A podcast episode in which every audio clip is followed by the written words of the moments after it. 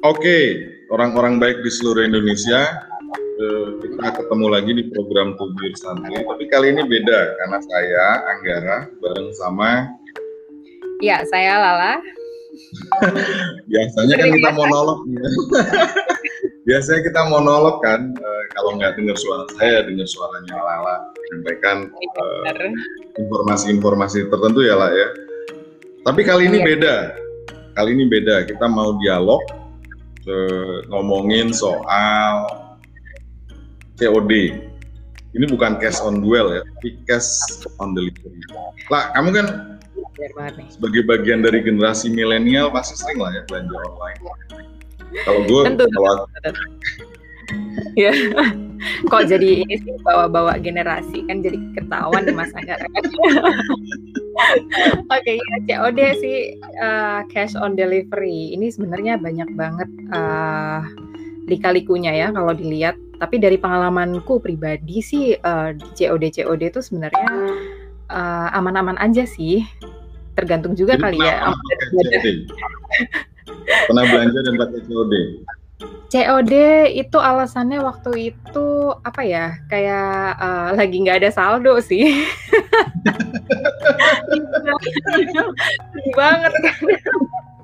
Iya ini rupanya banyak masalah ya COD ini. Mungkin pas Lala pesen belanja online nggak ada masalah COD ya tapi kan beberapa waktu belakangan ternyata banyak masalah ya terutama ketika pembelinya merasa barangnya itu barang yang dibelinya nggak sesuai sama pesanan dan dia marahnya ke kurir. Tapi kamu nggak pernah gitu kan lah? Enggak, untungnya. Itu kayaknya uh, masalah amal dan ibadah itu tadi sih, Mas, oh, ya.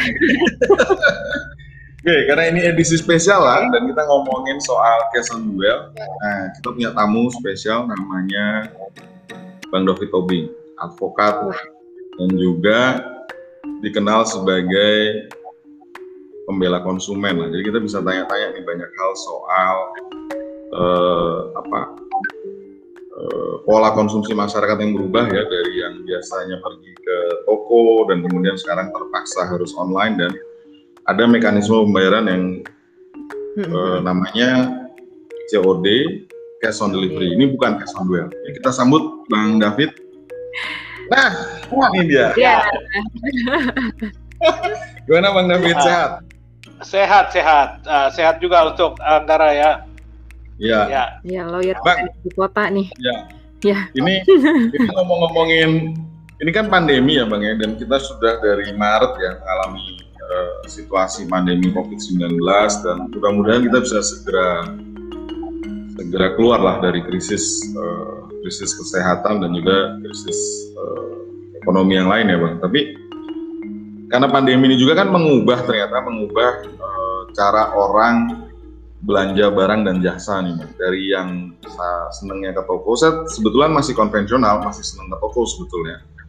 Tapi gara-gara pandemi agak-agak serem gitu. Jadi kepaksa juga harus berubah ya. Tadinya menikmati belanja ke toko sekarang kepaksa harus menggunakan platform e-commerce ya. Mungkin kalau Lala beda karena generasinya dia memang memang udah terbiasa sama online onlinean. Kalau saya kan masih generasi mesin petik sebetulnya. Itu praktis loh Mas Anggara. Coba deh nanti ketagihan pasti. Sebelum ketagihan memang kita harus belajar banyak sih ya, terlebih lagi soal yang COD COD-an ini karena mungkin kayak uh, online tuh lebih identik dengan uh, pembayaran secara cashless gitu kan, tapi ternyata ada juga fitur COD yang ada gitu di e-commerce ya. ini. Dan ini banyak masalah bang. Uh, ya betul. Kalau saya lihat masalahnya itu dari barang yang nggak sesuai pesanan ya, dan kemudian orang marah-marah ke sayangnya marah-marahnya ke kurir ya kurir yang bawa barangnya bukan ke tokonya. Dan uh, ini ada juga apa apa COD ini sebaiknya dihentikan atau dilanjutkan sih bang? Kenapa dan kenapa sih timbul masalah COD ini sebetulnya COD ini? Iya. Iya. Uh, jadi gini sebenarnya uh, konsumen atau uh, masyarakat yang melakukan transaksi online hmm. harus diberikan pengertian bahwa COD itu adalah salah satu cara pembayaran. Jadi okay. kita bisa lihat kan di sana ada cara pembayarannya melalui uh, virtual account, melalui transfer, melalui ATM dan sebagainya. Nah, ya. salah satu cara pembayaran adalah COD. Masuk lagi, ini tadi kita sambil ngobrol bang soal COD ini ternyata masalahnya tidak hanya ini ya masalah ketika konsumen ya, tapi kita sekarang ngobrolin dulu nih platform ini ada kita banyak sekarang platform e-commerce menawarkan berbagai kemudahan cara pembelian sekaligus juga cara pembayaran. Nah, salah satu yang sering diributkan ini soal COD-nya. Ya, jadi uh, eh, COD itu adalah salah satu cara pembayaran. Uh, selain COD kan yang sudah sering kita lakukan adalah transfer, terus membayar melalui virtual account, atau melalui mobile banking. Nah, jadi kenapa ada COD? Karena belum tentu semua uh, masyarakat atau pembeli itu memiliki rekening bank, belum tentu hmm. juga memiliki uh, on mobile banking atau uh, hmm. dia mempunyai uh, apa yang sekarang dikatakan di Bank apa dan sebagainya gitu loh. Nah hmm. atau juga pembelinya itu seperti yang tadi Mbak Lala itu nggak ada apa nggak ada isinya tuh nggak ada saldo ya kan aku malu nah akhirnya uh, itu difasilitasi uh, oleh platform nah jadi harus diingat COD itu adalah salah satu cara pembayaran. Nah, kita harus mengingat bahwa uh, kalau melihat pasal tentang jual beli, hmm. jual beli itu dianggap telah terjadi apabila telah mencapai kesepakatan tentang barangnya. Walaupun ya, walaupun barang itu belum diserahkan dan harganya belum dibayar. Artinya apa? Bahwa ketika kita sudah memilih barang, sudah sepakat harga, itu sudah terjadi kesepakatan jual beli. Nah, hmm. tinggal menyerahkan barangnya diantar dan bersamaan dengan itu barulah dibayarkan harga jual belinya. Jadi itu kemudahan sebenarnya. Oke, okay, tapi tapi kan ternyata banyak yang barang nggak sesuai pesanan, bang. Misalnya ketika konsumen beli dan ini yang jadi masalah ya barangnya nyampe di konsumen tapi nggak nggak sesuai pesanan. Nah ini dan uh, akhirnya si pembeli marah. Saya pikir itu reaksi yang wajar ya ketika konsumen beli barang nggak sesuai pasaran dan dia marah itu kan wajar aja reaksinya. Tapi tapi ya. banyak berita-berita kan marahnya jadi tidak terkontrol ya. Iya. Iya, jadi perlu diingat para konsumen ya, ketika konsumen sudah uh, membeli barang melalui platform, berarti konsumen itu sudah percaya kepada platform dan kepada penjual di platform tersebut. Nah, okay. platform itu sebenarnya tiga tinggal diam kalau terjadi hal yang seperti disebutkan tadi, karena ada yang namanya uh, mekanisme retur atau proses retur atau pengembalian barang. Jadi kalau terjadi hal-hal seperti itu, pakailah mekanisme retur. Kenapa saya katakan demikian? Karena yang namanya kurir, yang namanya pengantar itu tidak ada sangkut pautnya dengan penjual. Hmm, dia itu ya. cuman dia itu cuman agen penarik ya, penarik uh, uang gitu loh. Jadi selain dia mengantarkan uh, barang, dia juga diberikan hak oleh uh, platform untuk mengambil uangnya dari uh, si pembeli. Nah, itu fungsinya di sana ada dua, bukan hanya sebagai pengantar. Nah, jadi memang ini berbeda dengan COD di masa lalu. Di zaman saya mungkin tahun 90, kalau mau beli sesuatu itu janjian di mana nanti hmm. saya bayar kalau saya sudah lihat barangnya. Jadi hmm. beda, ya kan? Kalau ya. COD kalau COD zaman eh, ya zaman saya yang udah mau 50 ini itu kan eh, terbatas hanya eh, radius tertentu. Nggak bisa antar kota antar provinsi itu kalau COD zaman dulu. Karena mereka janjian di satu titik antara penjual dan pembeli. Tidak ada platform tidak ada pihak ketiga. Kalau hmm. yang sekarang itu harus um, ada pihak ketiganya dan platform itu hampir semua platform menyatakan bahwa barang tidak boleh dibuka sebelum dilakukan pembayaran atau pembayaran harus dilakukan terlebih dahulu sebelum membuka barang. Nah, mau tidak mau kan konsumen kalau membeli di platform harus setuju dengan kondisi tersebut. Walaupun hmm. tadi saya katakan platform tidak tinggal diam, boleh meretur kalau tidak sesuai barangnya dan langsung laporkan supaya apa? Supaya uangnya tidak langsung diserahkan kepada si penjual. Jadi nggak perlu marah-marah pada dasarnya, bang ya? Kesel sih boleh. uh, gini, kalaupun marah atau kesal, ya sedapat mungkin itu dituangkan dengan prosedur yang ada. Makanya okay. para pembeli ini perlu cermat ya. Jangan membeli di uh, platform yang nggak jelas. Jangan membeli di misalnya seller atau penjual yang nggak pernah aktif. Atau bahkan platformnya sudah mengingatkan bahwa seller ini terakhir aktif enam bulan yang lalu, tapi masih nekat aja beli gitu kan. Nah ya. itu juga harus dihindari hal-hal kayak seperti itu. Dan juga satu lagi, sedapat mungkin jangan membeli COD atau barang yang dibayar secara uh, apa transfer dari ya dari akun-akun uh, sosial pribadi. Misalnya hmm. IG ya, misalnya uh, Facebook ya. Hmm. Kalau memang belum apa belum ini belum yakin kepada orangnya. Karena saya sering mendapat laporan bahwa banyak sekali penipuan di IG maupun Facebook. Hmm. Dan itu ternyata dikuatkan oleh uh, penelitian dari kepolisian bahwa hampir 80-90% penipuan itu bukan di platform tetapi di media sosial pribadi. Hmm. Iya. juga jadi sih. itu ya, jadi kalau kita mau beli sebaiknya pun kalau terpaksa harus beli di media sosial memang mungkin kita harus lihat review kali ya, review dari ya. penjual itu kan. Dan kalau beli di platform e-commerce gitu ya, eh, ya berarti buka bayar dulu, dibuka kalau nggak sesuai pesanan, baru di return. Ya, ya, gitu ya, ya bang ya. Tapi ini ada ada satu lagi nih, saya juga cermati ada beberapa ini tapi bukan kebijakan platform ya, tapi kebijakan penjual bang. Jadi dia nggak mau di retur kalau nggak ada video unboxing. Nah, padahal kan pas kita buka kan nggak selalu nggak selalu. Iya benar banget ini banyak banget kayak apa namanya uh, retur tidak diterima jika tidak ada video unboxing. Unboxing, nah itu sering kan ya ada kayak gitu. Iya benar benar. ya, jadi memang uh, sedapat mungkin uh, kita harus menyisihkan waktu untuk tadi memvideokan. Itu penting hmm. sekali.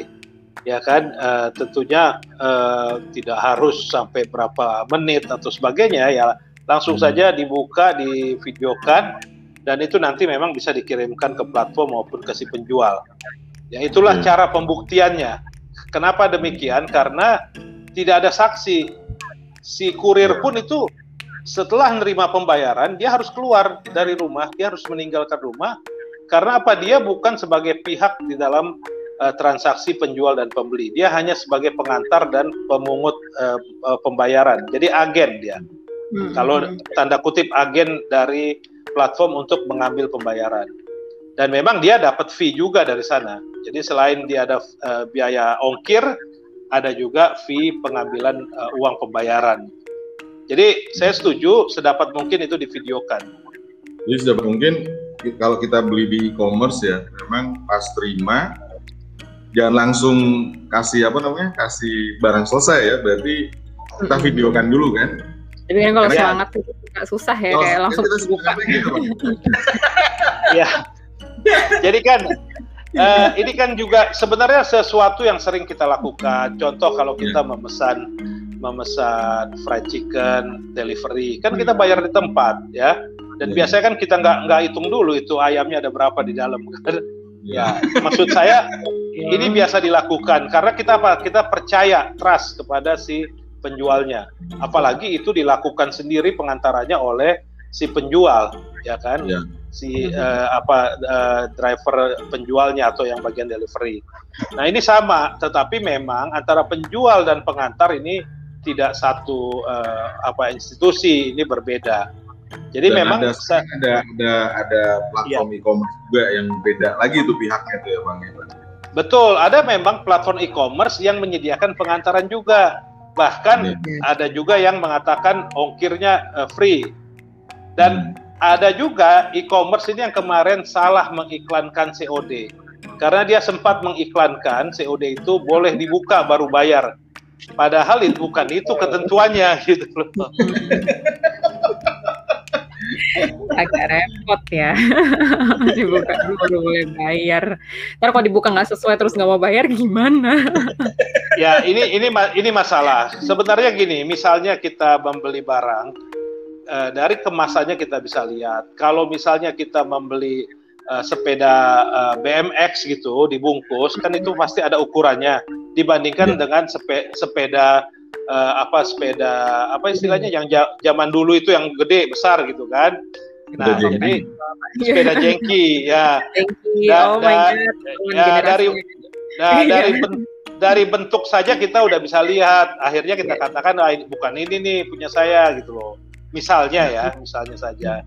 Jadi memang pertama harus yakin terhadap si penjualnya terhadap platformnya dan kalaupun terjadi ketidaksesuaian, gunakanlah saluran yang ada. Karena apa? Kalau seperti yang kejadian-kejadian kemarin, justru konsumennya ini tidak beretikat baik dan bisa kena pidana bahkan.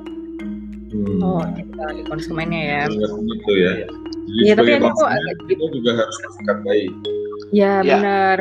Atau jangan-jangan konsumennya generasi-generasinya Bang David atau Mas Anggara nih kali ya. Jadi eh, mentalnya tuh kayak jadi, jadi mau menyerahkan uang kalau barangnya benar-benar sudah sesuai terus ternyata barangnya nggak sesuai dia nggak mau iya. menyerahkan yeah. uang bahkan marah-marah gitu kali ya sebenarnya uh, gini konsumennya ku, mungkin kurang teredukasi karena okay. platform ini platform ini tidak uh, tidak memberikan uh, apa informasi yang mudah dibaca hmm. informasinya mungkin jelas ya tapi kan hmm. tidak mudah dibaca ya kan? Sehingga si konsumen tidak tahu kalau COD itu ternyata nggak boleh dibuka dulu ya kan? Nah inilah yang harusnya uh, saling memberikan uh, informasi baik ke dari pelaku usahanya baik dari platformnya dan kewajiban juga konsumen untuk membaca. Itu ada di undang-undang konsumen. Kewajiban Betul. konsumen untuk membaca ya syarat dan ketentuan Iya itu betul banget sih. Yalah, jadi uh, intinya lah kamu harus jadi konsumen yang beretikat baik. Gak boleh tuh pesen-pesen yeah. COD terus main buka, main buka belum yeah, bayar. Betul, betul banget. Dan untuk pelaku usaha dan e-commerce tuh kayak harus benar-benar ngasih akses informasi yang jelas gitu loh, biar aku tuh bisa jadi konsumen yang baik gitu kan. Iya, betul, iya. biar kelihatan tuh kayak nggak cuma syarat ketentuan dan tulisannya tuh kecil banget tuh kadang-kadang Iya ya kan? Ya, tentunya tentunya kan tidak semua konsumen memakai gawai atau handphone yang uh, canggih ya kan? Uh, bisa saja yang yang yang apa yang uh, dasar lah gitu ya. Yang penting dia bisa buka platformnya udah bisa. Tetapi kan makanya kalau misalnya ada semacam uh, pengingat dari si platform kalau COD ini begini begini begini diedukasi si konsumennya bisa jadi dia akhirnya tidak memilih COD, akhirnya dia memilih transfer melalui rekening temannya dan sebagainya. Iya, iya, itu sering terjadi sih sepertinya. Karena saya juga sering mendapat pengalaman kayak tetangga, Mbak, tolong dong uh, beliin, aku nggak bisa pakai Shopee gitu. Es, nggak boleh nyebut merek ya. Aduh, ibu-ibu, ini susah kayaknya. Iya. Nanti dikasih efek tolong ya, Mas. Ada tips nggak bang buat konsumen yang mau COD? Iya, tipsnya seperti saya katakan tadi, ketika sudah memesan COD, artinya apa? Bahwa mereka itu uh, belum merasa yakin melakukan pembayaran kalau barangnya belum sampai. Sebenarnya hmm. itu alasan utama COD. Selain tadi tidak mempunyai rekening di bank, tidak mempunyai m banking atau mobile banking atau internet banking ya kan untuk melakukan pembayaran. Nah, jadi ketika sudah yakin barangnya sampai ya bayarlah sesuai dengan yang disepakati karena tadi pasal jual beli tadi kan mengatakan demikian. Okay. Nah, kalau misalnya barang yang sudah dibayar tersebut tidak sesuai dengan janji yang dilakukan penjual atau platform, maka pakailah mekanisme komplain dalam hal ini mekanisme retur. Nah, itulah yang harusnya dilakukan karena memang sudah ada juga ketentuan tentang retur. Nah, ada juga uh, hal yang perlu di apa dilakukan uh, oleh konsumen. Di sana juga ada pilihan asuransi. Jadi kenapa hmm. pilihan asuransi? Misalnya barangnya itu pecah belah, atau barangnya itu uh, apa Elektronik gitu. uh, elektronik ya kan asuransinya kan itu uh, uh, bisa dikatakan tidak mahal ya pilihlah dengan asuransi nah, itu itu yang uh, menurut saya harus dilakukan Oke lah, terima kasih Bang David. Jadi ini udah beneran. COD itu bukan cash on duel. Iya, betul.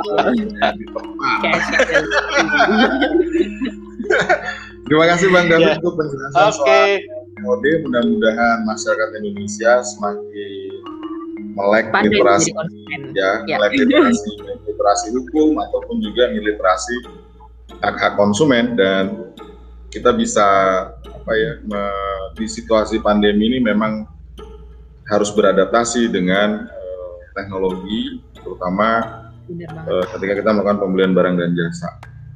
Makasih banget Bang David ya atas ngobrol. terima kasih Ya, terima Uh, kasih Mas Bang David. Anggara Mbak Lala ya makasih Ya, banyak Ya. lagi. Nah, gitulah. Jadi menarik ya. Gue baru Iya menarik sih. Itu mas caranya COD sekarang ya. Nah, baiklah nanti saya perhatikan. Terima kasih buat yang sudah mendengarkan video santuy kali ini. Jangan lupa kunjungi kami terus di gatrikum.id dan jangan lupa ya follow seluruh sosial media kami di Instag- Instagram, Twitter, Facebook, apa lagi, LinkedIn, Kita punya YouTube juga punya. dan termasuk podcast ya di Gatrikum ID. Sampai Tentunya ngerti hukum ID. Sampai jumpa. Bye.